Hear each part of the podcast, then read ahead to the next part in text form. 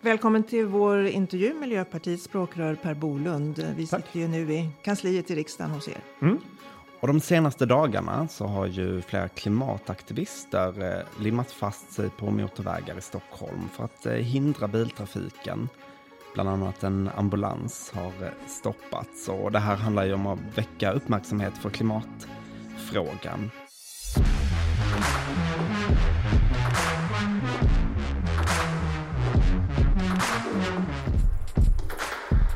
Det här är Svenska Dagbladets Utfrågningen med Erik Nilsson och Inger Ernander. Åtta partiledare intervjuas inför valet den 11 september. Hur tolkar Miljöpartiet egentligen överenskommelsen med Socialdemokraterna? Och kommer Per Bolund kräva höjda bensinpriser igen? Har du förståelse för de här aktivisterna? Nej, det tar jag totalt avstånd från eh, den typen av, av metoder och eh, det gör ju också hela Miljöpartiet. Vi, eh, vi tycker att vi behöver skapa en kraft för att tillsammans möta klimathotet och göra tillräckligt. Mm. Och då tror vi att det här är helt fel väg. Det är helt oacceptabelt att riskera människors liv oavsett vad, vad skälet är bakom. Och den här typen av aktioner då som vi har sett, hur tror du att den påverkar folks inställning till klimatomställningen? Jag är ju rädd att det får precis motsatt effekt eh, som, som de säger att de vill uppnå. Att det skapar en ilska och en motsättning. Att människor blir emot den agendan som de här aktivisterna eh, är för. Och det är precis motsatsen mot det vi gör. Vi vill ju istället skapa en, eh, en tillräcklig eh, handlingskraft för att eh, få så många som möjligt bakom oss och se till så att vi också får kraften att genomföra eh, den miljöpolitik som vi vet att Sverige och, och världen behöver. Så det är kontraproduktivt? Det? Ja, och eh, direkt skadligt och, och farligt. Eh, det är ju helt orimligt att man faktiskt hindrar eh, ambulanser som transporterar sjuka människor. Det är helt oursäktligt skulle jag säga att riskera människors liv och hälsa. Ni är ju riksdagens mest klimatprofilerade parti. Är den här typen av aktivister som har, har samma oro som ni så att säga, är det någon slags, skulle man kunna kalla dem en slags svans, miljöpartistisk svans som ni inte vill ha? Nej, absolut inte. Eh, det är ju väldigt, väldigt tydligt och det har vi många gånger sagt att vi eh, har ingen som helst förståelse för den här typen av, eh, av aktiviteter. Och det är ju just när man vänder sig mot, eh, mot människor som upplever att man inte har något bra alternativ i sin vardag eller för den skull faktiskt eh, sätter människor i en väldigt svår situation som det såklart blir om man stoppar ambulanser med, med sjuka människor det är precis motsatsen mot hur vi tycker att eh, klimatpolitik ska bedrivas. Så ni är inte en, en, den parlamentariska grenen av samma oro, samma ideologi, samma övertygelse? Vi är ju en representant för den gröna rörelsen, men vi tar väldigt starkt avstånd från den här typen av eh, aktiviteter. Och det gör ju också den övriga miljörörelsen som ju arbetar med att väcka engagemang, att eh, få upp kunskap, att eh, se till så att information kommer ut om hur allvarligt läget är. Och det är ju viktigt att poängtera att det är ju ett oerhört allvarligt läge. Uh, det säger ju vi också hela tiden. Och det här valet är ju ett, ett helt avgörande val för vilken miljöframtid Sverige väljer. Och det gäller ju inte bara klimatfrågan där vi är det enda av riksdagens åtta partier som faktiskt vill sänka utsläppen. Alla mm. andra vill ju höja utsläppen. Vi återkommer till det lite senare. Hey there, it's Michelle Norris. I'm host of a podcast called Your Mama's Kitchen. When I travel, I'm usually looking for a way to find a taste of home when I'm not at home. And one of the things I love to do when I am at home is entertain. And Airbnb allows me to do that. When I was in California recently, I rented a house that had a great kitchen. And when we were sitting around the table, we we're all thinking, we're in someone else's house. Someone could be in all of our homes as well. If you have a home, but you're not always at home, you have an Airbnb. Your home might be worth more than you think. Find out how much at airbnb.com slash host.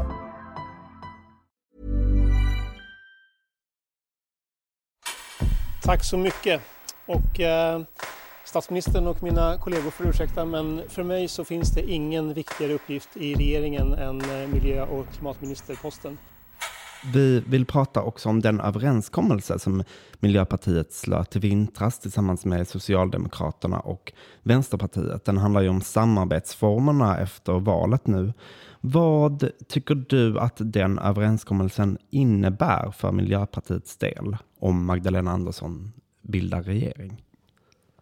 För Miljöpartiet är det ju eh, självklart att när vi går in i överenskommelser, då gör vi också allt vi kan för att hålla dem eh, och stå bakom dem. Eh, och här är det ju, pekar ju det här överenskommelsen precis på det som vi också har sagt många gånger, att vi tycker att det bästa för Sverige vore att ha en, en majoritetsregering. Att de partier som står bakom eh, regeringen också sitter i regeringen och att de också har en majoritet av riksdagen bakom sig.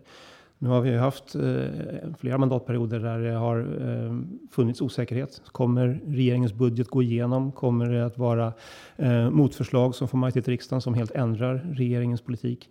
Det är skadligt för Sverige. Det skapar en instabilitet som jag tycker är, är, vi måste komma bort ifrån. Men det står ju ingenting om en majoritetsregering i den här överenskommelsen. Nej, men det står att eh, de partier som eh, släpper fram eh, statsministern eh, också ska stå bakom en helhet i politiken. Och det är ju precis den grunden som vi tycker att en regeringsbildning behöver ha. Att det finns en tillräcklig eh, gruppering av partier och ledamöter i riksdagen för att regeringen också ska inte bara kunna tillträda utan också genomföra sin politik. Och vad innebär eh, den här överenskommelsen när det gäller regeringsunderlagets möjligheter, alltså de partierna som släpper fram statsministern, deras möjlighet att också budgetförhandla?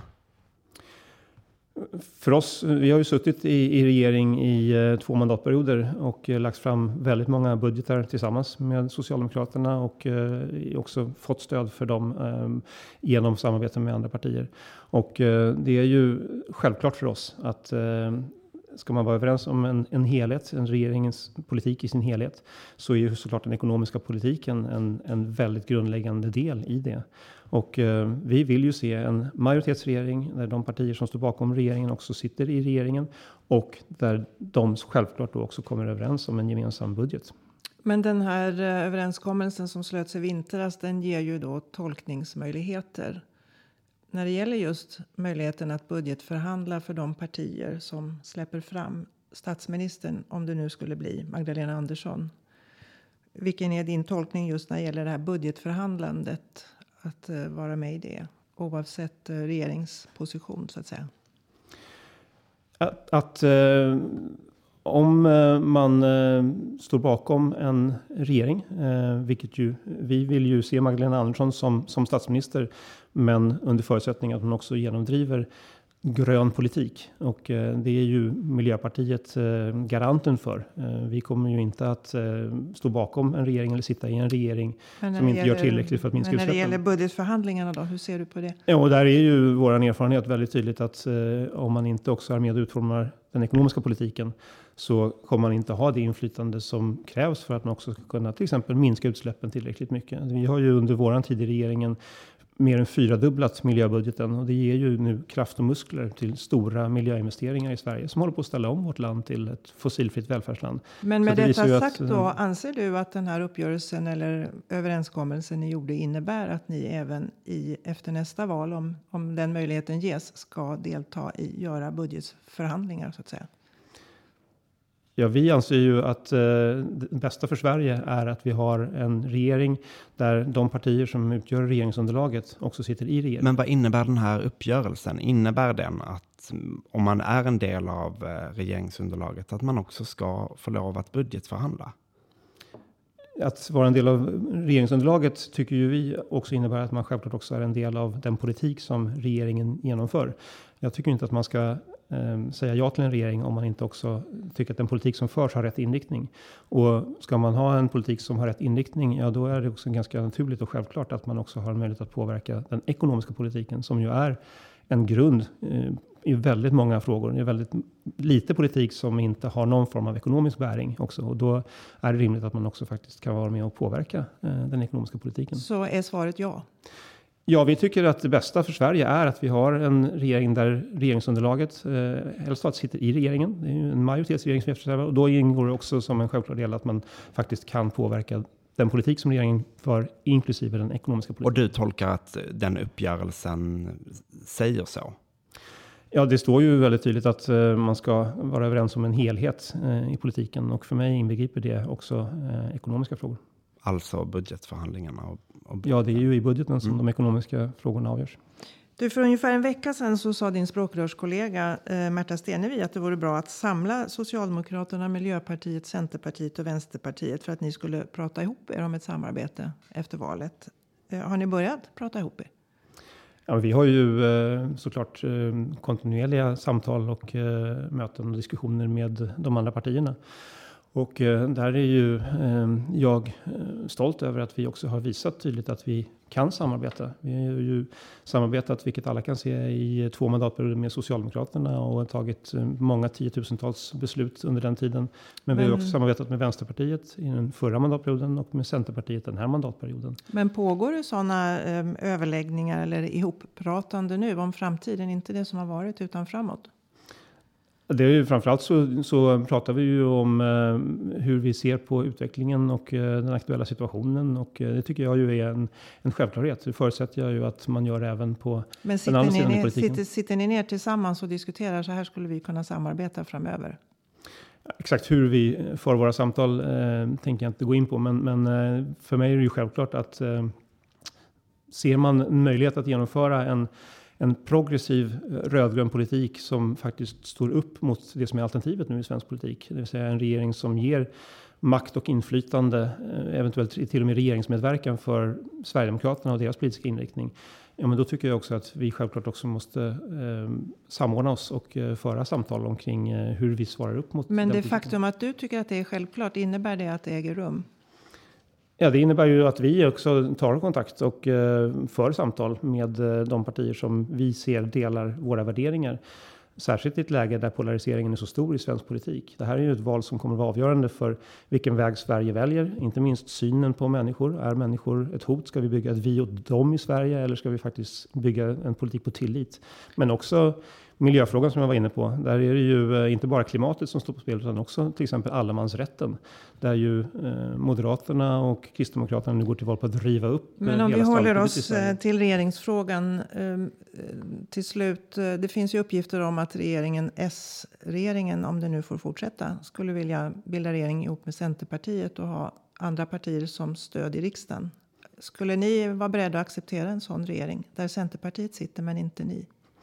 Jag tänker inte kommentera på alla spekulationer som förs åt alla möjliga olika håll omkring vad några tänker eller inte tänker i regeringskansliet eller på andra håll.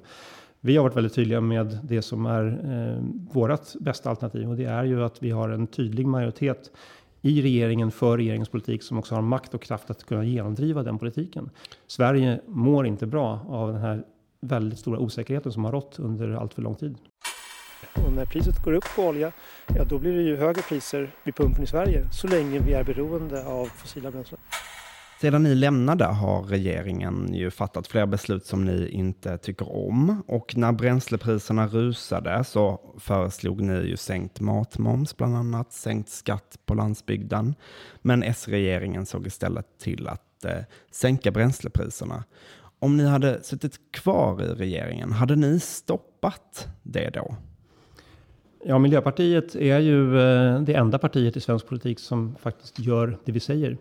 Eh, vi hycklar inte om vad som står på spel. Eh, vi säger att vi ska nå de svenska klimatmålen och vi ska uppnå Parisavtalet som Sverige har skrivit under på. Och då är det självklart för oss att då måste man också göra det man säger. Eh, att då gå till val som alla de andra sju partierna i Sveriges riksdag gör på att faktiskt öka utsläppen, öka fossilsubventionerna, göra det billigare att använda fossila bränslen. Det är eh, faktiskt inte i, i enlighet med det de, det de säger. Så om ni får sitta i regering nu igen efter valet, kommer ni sätta stopp för den här typen av sänkningar av bränslepriser, fossila bränslen?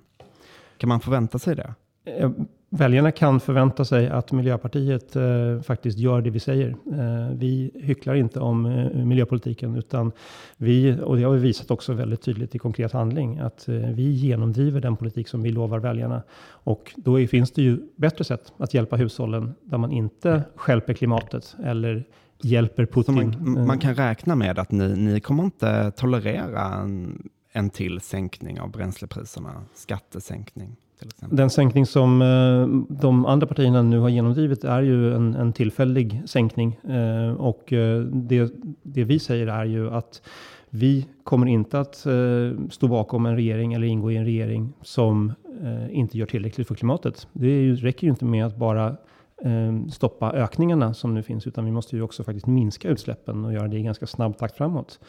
Där finns det ju olika vägar för att göra det. Men det är klart att det blir väldigt mycket svårare att minska utsläppen om man samtidigt ökar subventionerna för fossila bränslen som, som regeringen gör nu. Så den här tillf tillfälliga sänkningen som, som det ju är då, eh, när det går tillbaka uppåt, eh, tycker du att priset ska göra det alltså? Det ska, man ska släppa upp det igen?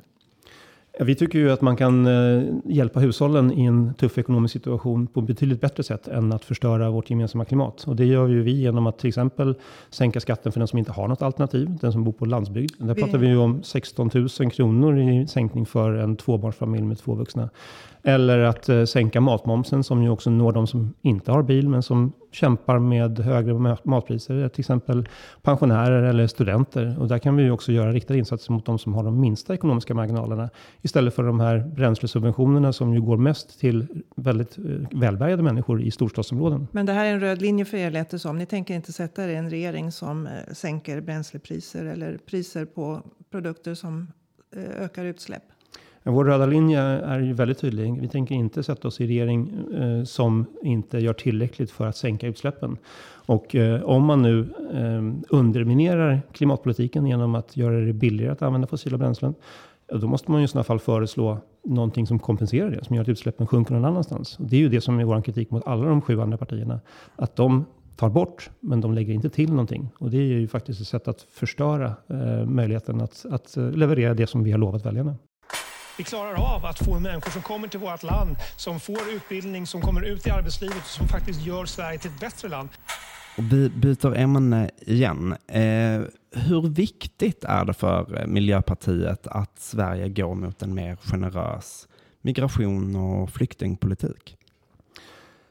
Det viktiga för oss är ju att vi står upp för um, våra överenskommelser. Det som vi har um, kommit överens om i um, internationella uh, konventioner. Och där är ju inte minst att stå upp för asylrätten. Uh, att människor har rätt när man flyr från krig och förtryck att komma till länder, uh, inte bara Sverige men också Sverige, och faktiskt söka asyl och få sin asylrätt prövad. Eh, och det är ju någonting som vi alltid kommer att stå upp för. Men vi står ju också upp för barnkonventionen som ju säger att eh, barn har rätt till trygghet. Och där tycker ju vi att eh, vi behöver skapa större trygghet för, för barn som också flyr från krig och förtryck. Till exempel vill ju vi att barn ska få permanenta uppehållstillstånd och kunna känna en trygghet i att man faktiskt får möjlighet att, att bygga en framtid i Sverige. Och hur, hur hårt kommer ni kämpa för detta i, i en regeringsförhandling? Ja, vi eh, tog ju en, en rejäl strid när det var eh, stora diskussioner om vilken migrationspolitik som skulle gälla eh, i Sverige. Och eh, där gjorde vi ju också stora tydliga avtryck som faktiskt gör att eh, vi står upp för medmänsklighet på ett sätt som Sverige inte skulle gjort om inte Miljöpartiet hade varit en del av den överenskommelsen. Eh. Men eh, vad är svaret på frågan? Du sa att det här är viktigt för er. Och, men frågan var då, kommer ni driva det här att, att förändra reglerna i en mer generös riktning om ni skulle förhandla om en regeringsposition? Miljöpartiet står ju bakom den eh, lagstiftning som, som ligger nu och som ju var en del av den överenskommelse som vi också eh, var med och tog fram. Men där vi tycker att det behövs göras eh, en del förändringar, framförallt för att vi ska vara ett land som står upp för medmänsklighet. Och där tror jag också att det finns ett starkt stöd eh, hos svenska folket att barn som flyr eh, med risk för sitt liv att man faktiskt också har ett stort ansvar att ge eh, barn trygghet och att också barn ska ha möjlighet att växa upp med sina föräldrar och att föräldrar ska kunna vara tillsammans med sina barn. Vi ska inte hålla familjer åtskilda. Tycker du att integrationen fungerar tillräckligt bra för att Sverige skulle kunna öka invandringen? Eh, vi behöver absolut eh, förbättra integrationen och det är ju ett arbete som, som aldrig kommer bli klart utan vi behöver hela tiden arbeta med att skapa större möjligheter för alla att kunna komma in i samhället, leva bra liv, eh, att eh, kunna känna att man eh, kan, kan leva på det sätt som både man själv och samhället mår bra av. Och där tror jag att det finns mycket vi kan göra. Inte minst vill ju vi jobba med att förbättra skolan, se till så att alla barn kommer ut med men, godkända betyg. Invandringstakten till Sverige har ju minskat, men det beviljas ändå nya uppehållstillstånd. Är det, tycker du att integrationen, hur den fungerar i Sverige, hur, hur påverkas den av det här? Är det, är det, leder det till någon slutsats så att säga när det gäller hur många som kan komma till exempel? För oss är ju det här två separata frågor. Eh, vi ska ju ha en eh, migrationslagstiftning som gör att vi faktiskt står upp för de internationella överenskommelser som Sverige har varit med och slutit eh, och som också står upp för barnkonventionen och andra internationella konventioner som Sverige står bakom. Sen ska vi ju parallellt med det såklart göra så mycket vi kan för att integrationen ska fungera så bra som det överhuvudtaget är möjligt. Och där tror jag att vi alla kan konstatera att det finns behov. Eh, vi behöver göra större insatser. Och det är otroligt viktigt att vi jobbar med att inte minst eh, ge så mycket stöd så tidigt som möjligt till framförallt barn som är på väg att hamna i svårigheter, som riskerar att halka efter i skolarbetet eller har svårt att lära sig svenska eller liknande. Där behöver vi gå in med samhällets fulla stöd. Magdalena Andersson har ju pratat om att hon inte vill ha några Somalitowns. Vi har hört eh, eh minister Anders Ygeman pratat om ett maxtak på utom nordiska eh, invånare i bostadsområden. Pr pratade ni på det här sättet i, i regeringen också när ni satt där? Jag tror inte att du har hört miljöpartister eh, ta den typen av begrepp i, i sin mun. Och eh, det speglar ju inte hur vi ser på, på samhället. Eh, vi vill ju också skapa integration och då är det ju bra att till exempel det finns människor med olika bakgrund som finns i alla bostadsområden i Sverige och att man har möjlighet att leva oavsett om man vill bo i en bostadsrätt eller villa eller en hyresrätt. Varför tror du att de pratar så här om, om människors bakgrund? Jag behöver snart avsluta här så att det här får bli sista. Det vill jag inte spekulera i. Det är nog en fråga som man måste ställa till eh, Socialdemokraterna. Men Miljöpartiet, vi är ju ett parti som, som ser på människor, eh, alla människor med eh, hopp och tillit och tror på människors inneboende kapacitet att vara en positiv kraft i samhället.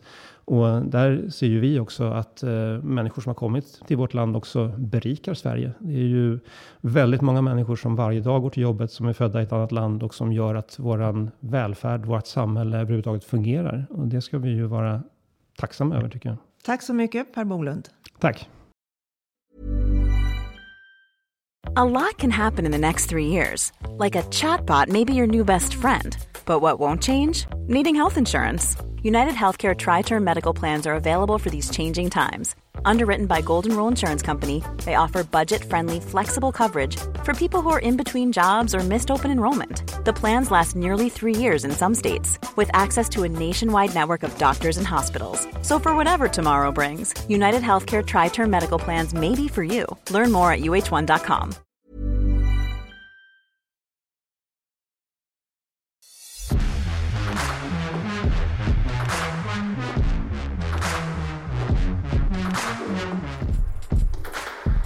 Det här var en podd från Svenska Dagbladet. Producent var jag, Martina Pierrot. Exekutiv producent Erik Hedtjärn. Ansvarig utgivare är Anna Kareborg. Prenumerera på Politiken i din podcast-app för att lyssna på fler partiledarutfrågningar.